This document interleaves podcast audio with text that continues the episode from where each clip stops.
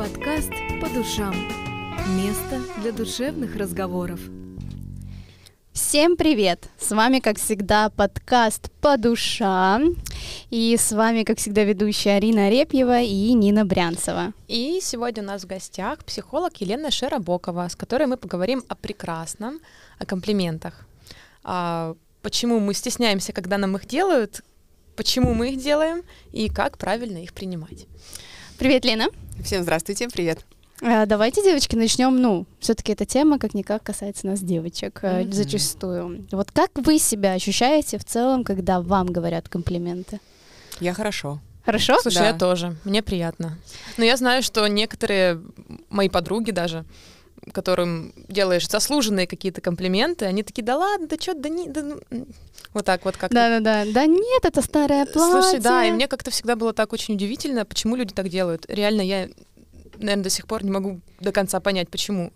Но есть... со своей стороны я скажу, что в какой-то момент я такая, ну, вот подростком, наверное, mm-hmm. когда была, я немного смущалась. Типа, я немного не понимала, как на них реагировать. И в какой-то момент э, я такая, комплименты это круто. Распробовала. Да, я почувствовала вкус этого прекрасного и такая, м на это же нужно просто сказать спасибо и еще прикольно кому-то в ответ сделать комплимент. Тоже такой обмен энергией вообще топчик темы. Так, ну что, перейдем тогда к нашим вопросам. Э, как мы уже убедились в том, что кому-то это комфортно, кому-то некомфортно получать комплименты. Почему же все-таки девушки зачастую не умеют принимать э, комплименты, чувствуют себя в этом некомфортно, пытаются как-то уйти от этой темы, да, и там сказать, ой, да перестань, что я там просто голову помыла, да, и, ну, и Отшучиваются всякие... как-то наоборот, чтобы угу. как-то это все свести на нет. Да, что угу. как будто бы Ничего да, такого как ты прекрасно да. выглядишь. Я просто реснички покрасила. Она сказала, да, я прекрасно сегодня выгляжу. Да, это так, спасибо. Э, но это все, конечно же, напрямую зависит от самооценки, да, то есть от э, отношений с собой, в первую очередь, естественно, отношений с собой. То есть когда есть такое э, определенное как расхождение, да, то есть девушка о себе думает одно, а слышит другое, и она просто не считает это правдой вообще. Она mm-hmm. начинает как-то оправдываться или находить причину, почему человек mm-hmm. может так сказать. То есть, например, ей делают комплимент ее внешности, что девушка красивая, mm-hmm. она себя красивой не считает, свою красоту не принимает, и она может подумать, что этот человек врет, он от нее хочет что-то получить, то есть это какая-то манипуляция, и вот такая реакция. Именно, mm. но чаще всего именно от, конечно же, самооценки, mm-hmm. отношений с собой. То есть человек не верит просто в слова, которые ему говорят. Mm-hmm. По факту он думает, что это какая-то игра. Да. А еще mm-hmm. может быть такое, что вот, например, э, девушка считает себя, ну вот в глубине в своей, да, она считает себя умной, вот действительно умной. Mm-hmm но она как будто эту часть как-то свою скрывает. То есть ей вот с какой-то стороны вот кажется, знаешь, кто-то сделал в детстве, возможно, ей кто-то сказал, кто-то значимый для нее, кто-то сказал, что слишком ты умная, такие умные и счастливыми не бывают. Mm. Ну, знаете, ну, бред да, бывает да, такое, да? да? Вот. Mm-hmm. И у нее это в голове отложилось, что умной быть нельзя, не нужно другим показывать то, что она умная. Mm-hmm. Она-то знает про себя, что она умная, например. И вот ей, допустим, человек, кто-то делает комплимент именно ее сообразительности или именно ее уму, mm-hmm. и она такая Вроде бы да, вроде он ну, соображает, да, он что я умная, но с другой стороны... Но это показывать такой, нельзя. Да, но это нельзя показывать, то есть вот нельзя с этим, даже не то чтобы соглашаться, а появляется такое удивление, как это другой человек это узнал, я же это прячу. И вот тоже есть такое, что ой, не-не-не-не. Да я просто у, книжку умную прочитала вчера. А у меня, знаешь, с чем еще ассоциировалось то, что девушки зачастую не умеют принимать комплименты? Мне казалось, что, возможно, проблема а, состоит в том, что мы настолько... Мы живем в таком обществе, особенно если говорить э, о наших родителях, о наших бабушках и дедушках, где там были вот ярлыки. Надо быть скромной. Uh-huh. Типа, не высовывай свой нос, uh-huh. э, кем ты себя возомнила. Вот это вот быть закрытой, да, и когда тебе говорят, что ты вот красивая, она такая, нет, вы что, я не красивая. Угу. Я скромная. Такая, как все. Да. Угу. Вот надо быть такими, как все. А что скажут люди, опять же, вот эта тема. Мне угу. кажется, что какое-то влияние вот это тоже оказало на умение да, 100%. принимать. Так это и есть. Корень-то один. Ну, отношения с собой, да, признание своей самоценности как раз-таки. Корень один, потому что действительно очень многие э, люди слышали вот от бабушек, от дедушек, от мам такое в свой адрес, что вот не высовывайся, будь как все. Или еще вот я знаю, что э, есть такие фразочки, вот слишком многого хочешь. Ты что думаешь, ты принцесса? Ты что, особенная Ты что, особенная? Или вот это, а, а губозагаточную машину не хочешь? О, ну, знаешь, ну вот так вот посмотреть, да, сейчас, ну вот, ну вот бред какой-то. Ну а действительно такие фразы люди, ну девушки слышали, да, в свой адрес могли слышать. И, конечно же, они потом вырастают, и у них это сидит. Вот это отложилось, что нельзя выделяться, нельзя быть особенной. Я такая, как все. И потом, конечно же, это же не только на комплименты, это же и на другие сферы жизни, Мгм. естественно, растекается. Но принятие подарков это то же самое, не все умеют принимать. Да, есть же такое еще, я недостойна. Мгм. Вот такое очень крепко сидит, кстати, у многих девушек, и я недостойна. Недостойна получать комплименты, недостойна получать подарки, э, недостойна какой-то более лучшей жизни, недостойна. Вот такое внутреннее ощущение э, собственной недостойности. А что с этим делать? Слушай, допустим, тебе подарили какой-то дорогой подарок, а девушка к нему просто не притрагивается. Там сережки дорогие, она их просто не носит, потому что она действительно, наверное, чувствует, может быть, вину какую-то, может быть, то, что она недостойна чего-то, вот как ты сказала. А что с этим делать? Вот, допустим, может, ей самой это не нравится, ну, она же, ну, Мгм. Ну, работать над собой, конечно же. То есть именно вот знакомиться с собой и как раз-таки взращивать вот эту самоценность, принимать ее и работать над внутренним позволением. мгм. На самом деле, то есть вот не надо закапываться в э, проработках, искать миллионы причин. У нас у всех было с вами самое потрясающее детство, да, которое, ну, есть с чем идти к психологам. Мгм. Э, у всех абсолютно людей, на самом деле. И вот не надо в этом зарываться, не надо в этом закапываться. Мгм. То есть, да, ты понимаешь, что, что тебе дарят подарки, ты чувствуешь неловкость, и тебе эта неловкость мешает. Ну все, ты это осознала. Окей, ты поняла, что у тебя какие-то, э, так скажем, негармоничные отношения с собой. Ну все, иди Мгм. в эту тему. И начинай себя узнавать, начинай с собой знакомиться, начинай э, принимать разные свои проявления, качества. И также вот это нач- начать, на самом деле, разрешать себе. Вот просто вот Понятное дело, что на словах это очень все просто, да, Мгм. на деле не так, но в какой-то момент нужно дать себе прямо разрешение. Вот разрешить себе принимать, разрешить себе быть достойной. Кто это определяет? Мгм. То есть по факту, да, вот человек приходит к специалисту, к психологу, работает над внутренним, внутренним позволением. Мгм. Психолог, конечно же, ведет, открывает там какие-то дверцы, ну, естественно, помогает, но в итоге сам человек принимает решение все равно. Ну да, тут нельзя сказать, что, мол, виноваты бабушки, дедушки, мамы, папа в том, что э, я такая скромная, и я не умею принимать комплименты. Не, Нет. ну отчасти, наверное, все-таки А- виноваты, но Но они повлияли, можно, да, да. но тут Мгм. тоже есть такая тема, что э, сейчас какой-то вот дебильный период времени, когда мы всю вину вкладываем, будучи уже взрослым, на наших родителей. А, ну потому что это проще, конечно. Это проще, да, но как Мгм. бы, come on, наши родители делали так, как они умели. Ну, и так же, как и мы живем. Не так, факт, как что мы умеем. будем прям прекрасными Да. родителями, не наделаем каких-то ошибок, которые Сто потом- процентов да, наделаем, как бы тут, э, ну, бесспорно, каждый родитель, он совершает Мгм. какие-то ошибки, но будучи взрослым, уже человеком, который соображает, ходит, работает, ну, как бы живет, ты уже способен принимать какие-то решения и решать свои проблемы самостоятельно, не обвиняя в том, что родитель тебя там как-то не так слово сказал, потому что он по-другому не умел. Мгм. Тут надо уже- процентов, это же выбор. То есть оставаться в этом, понимать это все, осознавать это есть, вы- ну, это, это тоже выбор, да? И сваливать все на родителей, на бабушек, на дедушек, на то поколение там и так далее. Но это настолько безответственно. Никто не виноват здесь. Не надо искать виноватых, там, кто прав, кто виноват. Мгм. Абсолютно никто не виноват. Все делали из э, того, что они умели, и родители нам всегда давали самое лучшее, и они это делали из своей любви. Как бы Мгм. они это криво э, не делали, да, как бы они это криво не Мгм. показывали, но все равно они хотели. То есть любая мамочка, которая будет ругать своего ребенка за то, что он не надел шапку, Она делает это, она это делает из заботы, из любви, ну и так далее. И вот это взваливать все на родителей, ну окей, и что, вот ты поняла то, что вот твои родители навешали на тебя кучу комплексов. Ты это знаешь, вот в детстве было травм, вот такое у тебя детство было, все. Но пойми, да, окей, это мое детство, это мой потрясающий на самом деле опыт, потому что вместе с этим приходит, ну, огромное количество силы и огромное количество вообще, вообще в этом очень много потенциала, очень много. Вот в любых эм, таких проблемах, травмах в этом очень много светлого тоже. И, Мгм. и просто это принять, да, было такое детство, да, ты сейчас вот имеешь вот такие-то исходные данные, тебя это не сделало счастливой? Нет, ну иди работай над этим.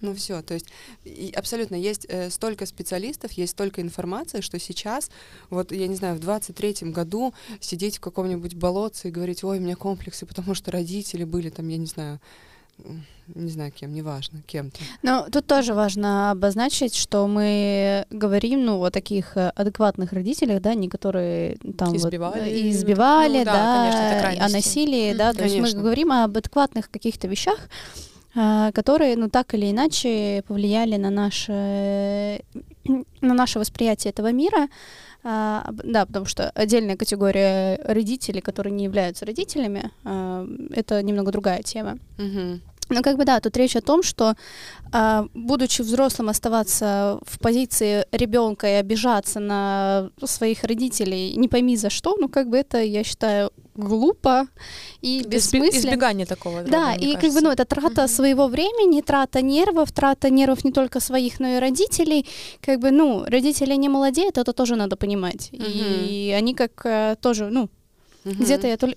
Я, скорее всего, какую-то песню слышала, что родителям тоже трудно вырастить из э, вот этого подростка, которым мы все были противными, да, О, да. подростками, Мгм. вырастить нормального человека. Ну, come on, Мгм. не будьте вы эгоистами. Мгм. Не вините во всем родителей. Вы уже взрослые, примай- принимайте решения и меняйте уже себя.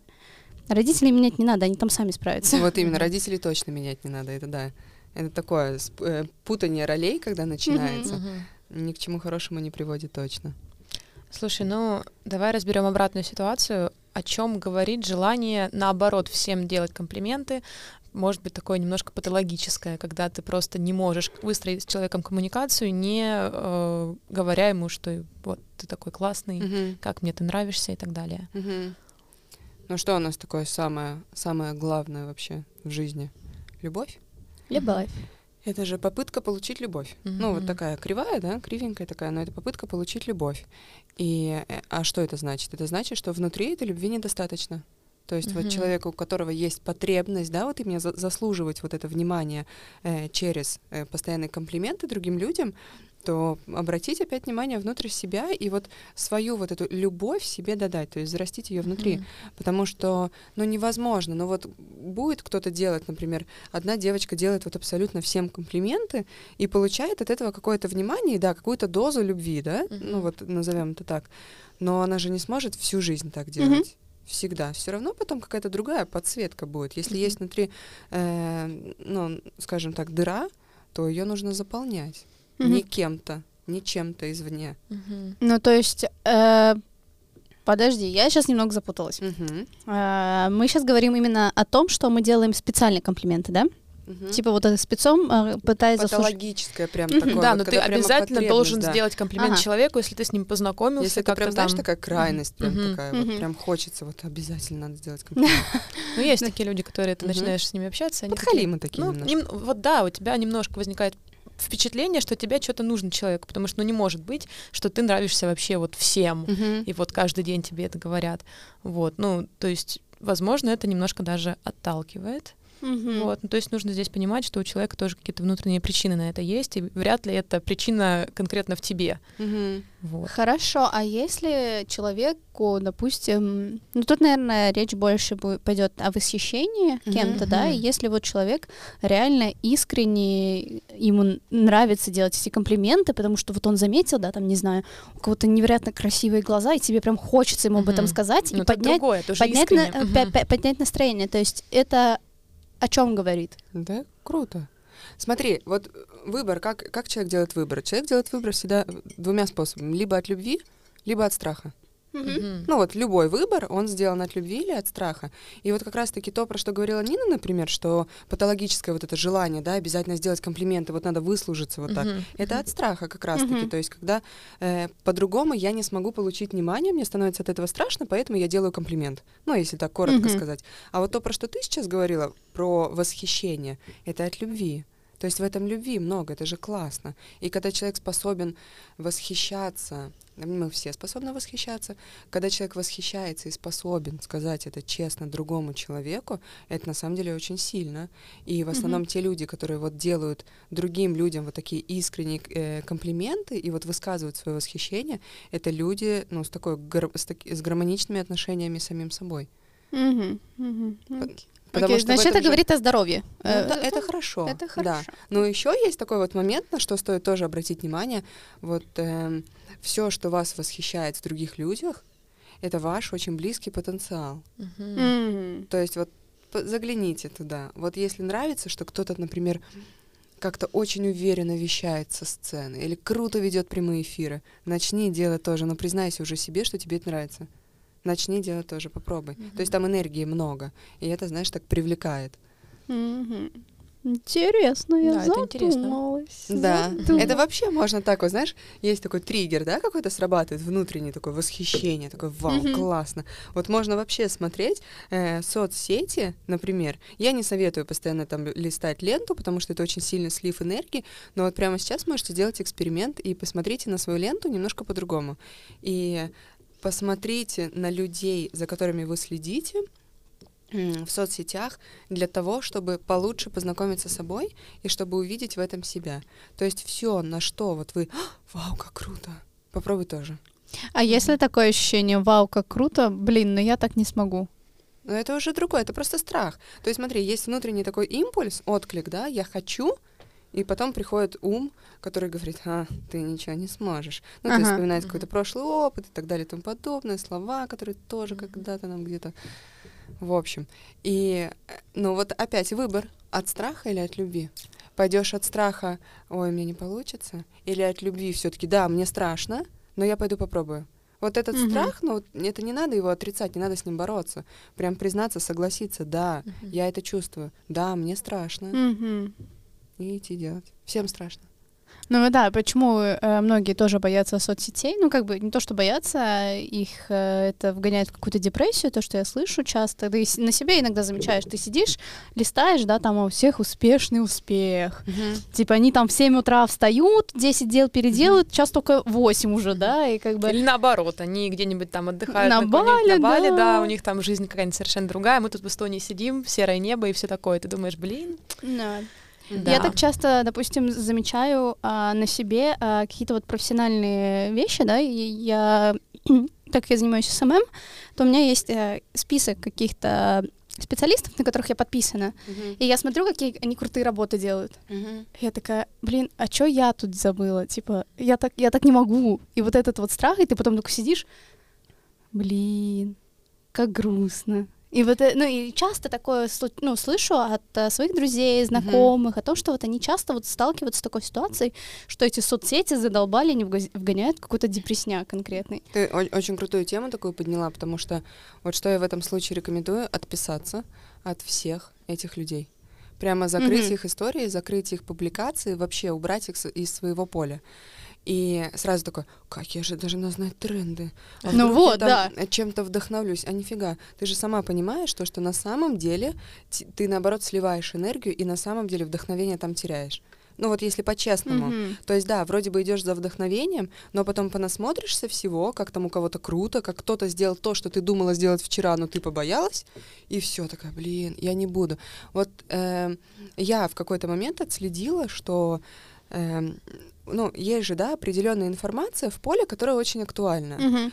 И Конечно же, люди там э, с помогающих профессий, да, психологи, терапевты, коучи и так далее, естественно, они как-то вот разом начинают одну волну подхватывать и начинают, ну, там, говорить на одну тему, к примеру. Mm-hmm. И я как-то отследила такой момент, то, что вот я, допустим, там, сделала себе в заметке пост, ну, я не знаю, про чувство вины, к примеру. Mm-hmm. И все, допустим, хочу его допилить, э, доточить и выставить. И тут начинаю смотреть сторис и вижу, что просто вот три человека сделали пост про чувство вины. Mm-hmm. Я такая думаю, хм, мой же, я уже не буду свой выкладывать. Угу. Ну нафиг. Угу. Уже не надо, уже все выставили, все уже, уже прочитали. Все прочитали да. Я как будто бы, знаешь, повторила за ними. Ну, как-то вот я это отследила э, какое-то время, там, достаточно назад. И что я сделала? Я отписалась от всех.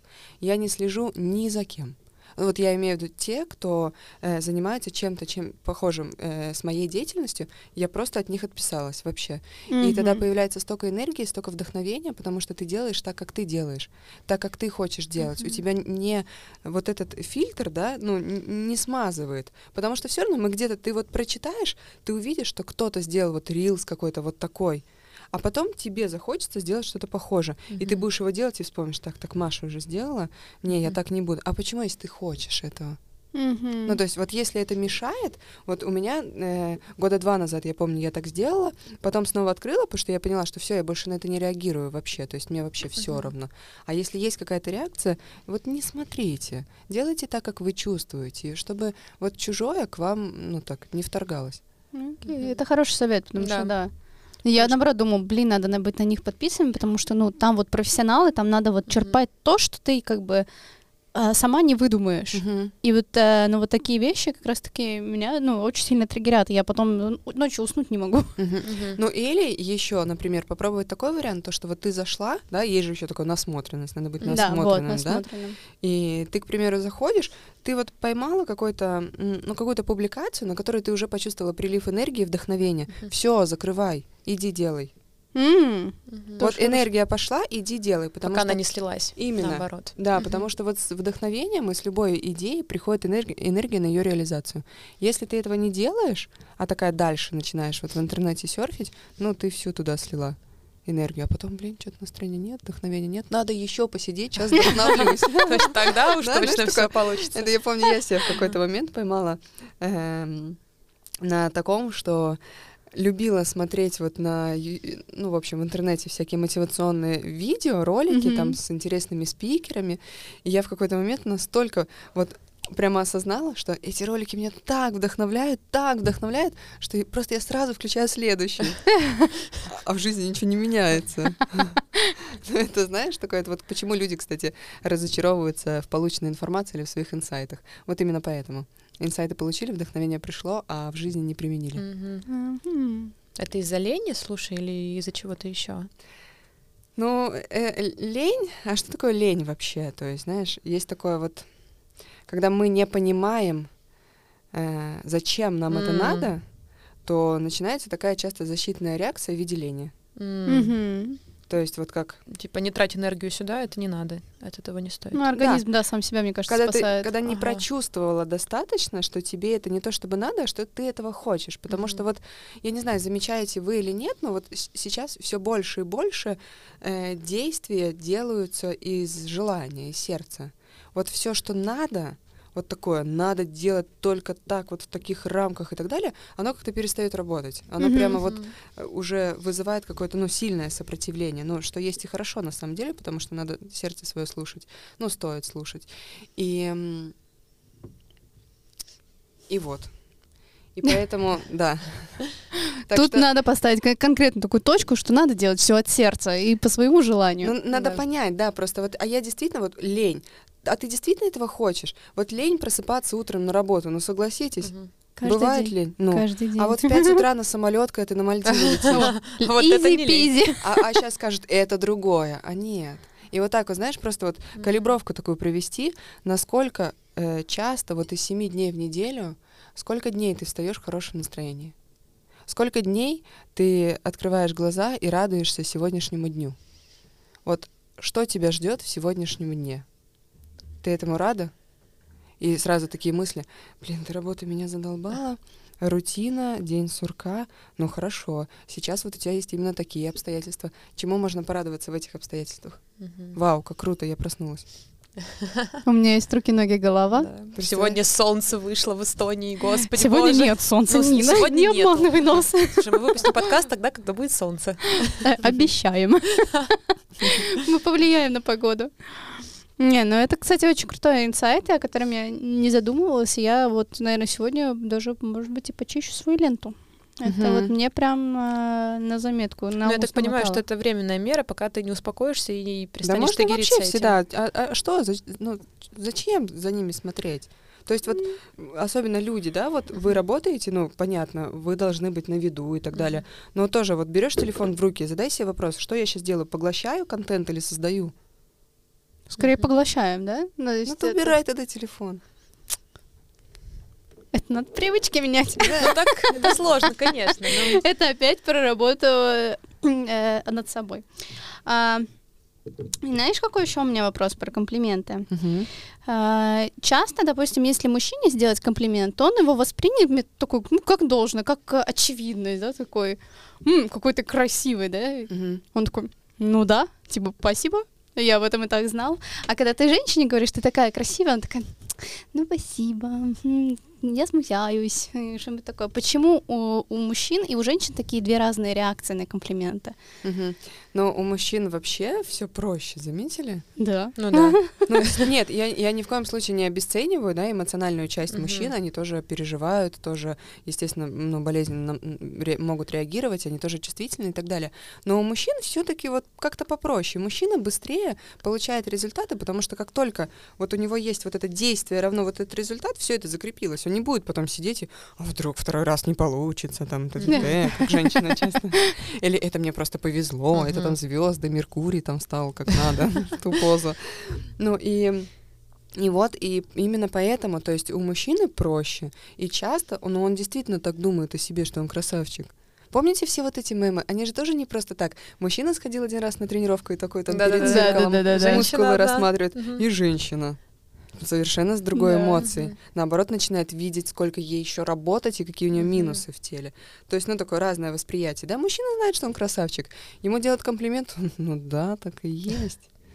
Ну, а женщина вот начинает, опять же, да, смотря как она, зави- э, как она относится к себе внутренне, Мгм. как, относится, как она относится к этому человеку, который ей делает комплимент, и как она вообще относится, конечно же, к окружающему миру.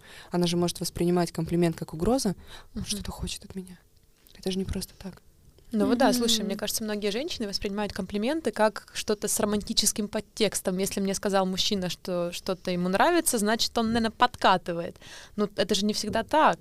Как вообще, мне кажется, нужно научиться разделять вот эти вещи и видеть, э, уметь видеть в комплиментах просто комплимент, Мгм. просто вот Да. какое-то хорошее отношение. А Это не того, тоже- что к Ну тебе да, кто-то да, хочет да, да, да, да. подкатить. Это же не Мгм. обязательно так. Ну да, это, это конечно, это не обязательно Мгм. так, но здесь еще смотря какой комплимент. Мгм. То есть одно дело сделать комплимент, ну там, сделанной работе или комплимент общению, ты такой классный Мгм. человек, например. Мгм. А другое дело совершенно как-то там фигуру, я не знаю, оценить. О, Ну, у какая тебя- от тебя. Ну, Какая у тебя сочный персик. Ну, например, да? Это, конечно, такой тумач, но да. все-таки, да, ну, ну, есть определенное есть э, разделение. Вот что это за комплимент? За комплимент на такой за гранью уже, комплимент равно флирт? Но это же и это не всегда, это не всегда упирается в слова, это же еще и состояние. Мгм. Мгм. То есть это же еще и чувствуется. Мы на самом деле все можем чувствовать, можно сказать все что угодно, а посыл там будет откровенно, к примеру, намекающий на на, э, На продолжение, завтрак да? совместный, да, Мгм. ну то есть после ужина.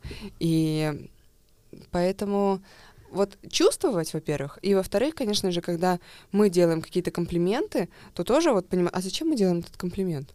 Вот если Мгм. по-честному, зачем?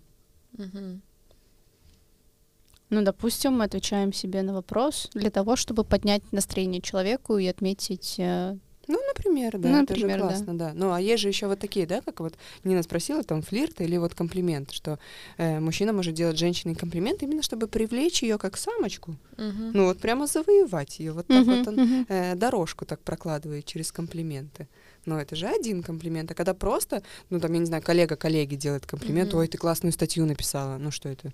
Ну, ну, это явно не Если каждый раз так да? да. реагировать, да, то А ты такая всегда смущалась, «Ой, я замужем вообще-то. да, он такой, ну окей, хорошо, статья-то классная. Да. Я представила эту ситуацию. Что тебе на планерке такое сказали? Нет, «Да ну я-то ладно?» статьи не пишу, я представила, как тебе кто-то из наших коллег подходит. «М, Нина, клевая статья. И ты такая, ой, я замуж. А он такой, «М, ну статья-то классная. Ну да. Ну, абсурд, согласись. Ну да. Это здесь нужно так, уметь немножко, Чувствовать людей. да, посмотреть вглубь, может быть, немножко этого Да, да. комплимента. Потому что есть такие, которые, мне кажется, ну вот, особо не задумываются просто так, а вдруг? Ну, а вдруг? А вдруг это значило что-то, а я вот так отреагировала, а вдруг он подумал? Ну, то есть, ну, бывает такое, что накручивают, мне кажется, себя излишне. Да, этом женщины плане. вообще, мне кажется, любители себя Да. накручивать. Ой, ну да, есть такое, конечно же. Мы, мы же женщины без этого не женщины. Здесь же еще вот так, если просто, ну, а про комплименты, да, уже уберем вот этот э, флирт, а просто про комплименты. Здесь же еще вот, когда девушка принимает комплимент, э, на что еще следует обратить внимание? Вот я так рекомендую обратить внимание, что, например, делает кто-то комплимент, вот, окей, муж делает комплимент жене.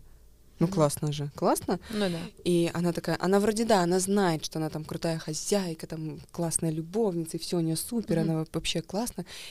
И здесь еще такое, чтобы вот эту благодарность прямо чувствовать к другому человеку, не просто такая, а, спасибо, а отметить еще тот момент, что вот твой мужчина, он не просто это замечает, а он еще об этом говорит.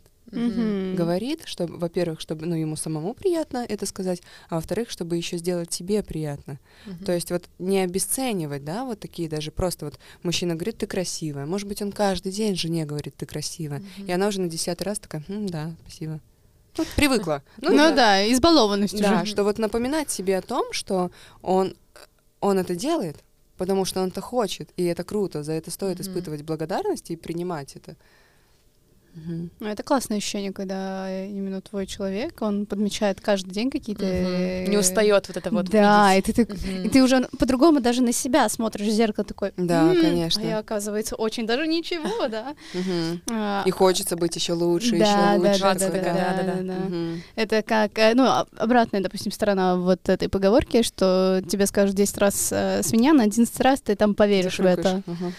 А тут тоже, да, наоборот, ты вдруг не верила, да, в то, что ты красивая, тебе твой мужчина говорит, говорит это каждый день, каждый день. И ты такая потом в какой-то момент походишь, такой, «А, а я ж красивая, да, мордашка Мгм. мне вроде ничего, и это не так, и вроде, а что я парилась, да, как Мгм. задается вопрос. И мне кажется, потом тоже идет какая-то деформация самой себя, что ты и в окружении готова принимать Мгм. комплименты. Вот мы как раз и подошли к моменту, что вот можно а, научиться принимать комплименты вот с помощью какого-то близкого человека, который тебе будет об этом напоминать. Мгм. А правильный ли это подход, кстати? Ну, а правильный, неправильный, какая разница? Если он работает, классно, правильный. Если муж жене делает комплименты, ну это здорово. Ну, ну как это можно сказать, правильно или неправильно? Конечно, все равно всегда следует смотреть в себя, да, в отношения с собой Мгм. и, и так далее. А так это вполне себе хороший подход на самом-то деле, потому что это как, знаете, как, вот я сейчас такую прям картинку видела, как вот раскрытие цветочка, и мужчина его своим вниманием поливает. Мгм. Это же действие. То есть, ну, вот мужчина, знаете, есть такой вот мужчина создает э, женщину действиями, которые Мгм. он к ней э, делает, а женщина создает мужчину своего своими мыслями о нем. И вот когда мужчина этот цветочек поливает, там заботится, комплименты, теплые слова, ну, конечно, она будет расцветать все больше и больше. Мужчина, делайте комплименты женщинам. Слушай, Ой. это прям такой хороший итог, мне кажется. Да, мне прям сегодняшний наш подкаст понравился. Он такой был нежный, душевный, вообще кайфовый. И, девушки, любите себя, принимайте себя и помните, что вы самые-самые красивые, самые-самые привлекательные и вообще конфетки. Прямо сейчас. Прямо сейчас. Да, уже. Уже, да. Не завтра, не потом, не через 10 лет, а уже в данный момент времени мы все прекрасны. И, и бог с ним, что там, кто там когда-то говорил, забейте. Лена говорит, что мы все прекрасны. Правда, Лена? Да, точно. Все. Ну, а с вами был подкаст «По душам». В нашей студии была психолог Елена Широбокова. Она уже у нас, я не знаю, какой раз, но это просто каждый раз сказка. Спасибо большое. И мы будем ждать тебя еще, еще и еще, потому что с тобой всегда очень комфортно. А и- тем очень много. а тем Да. еще очень-очень много, которые нам стоит обсудить. Всем спасибо, всем пока. Пока-пока. Всем пока. Подкаст «По душам». Место для душевных разговоров.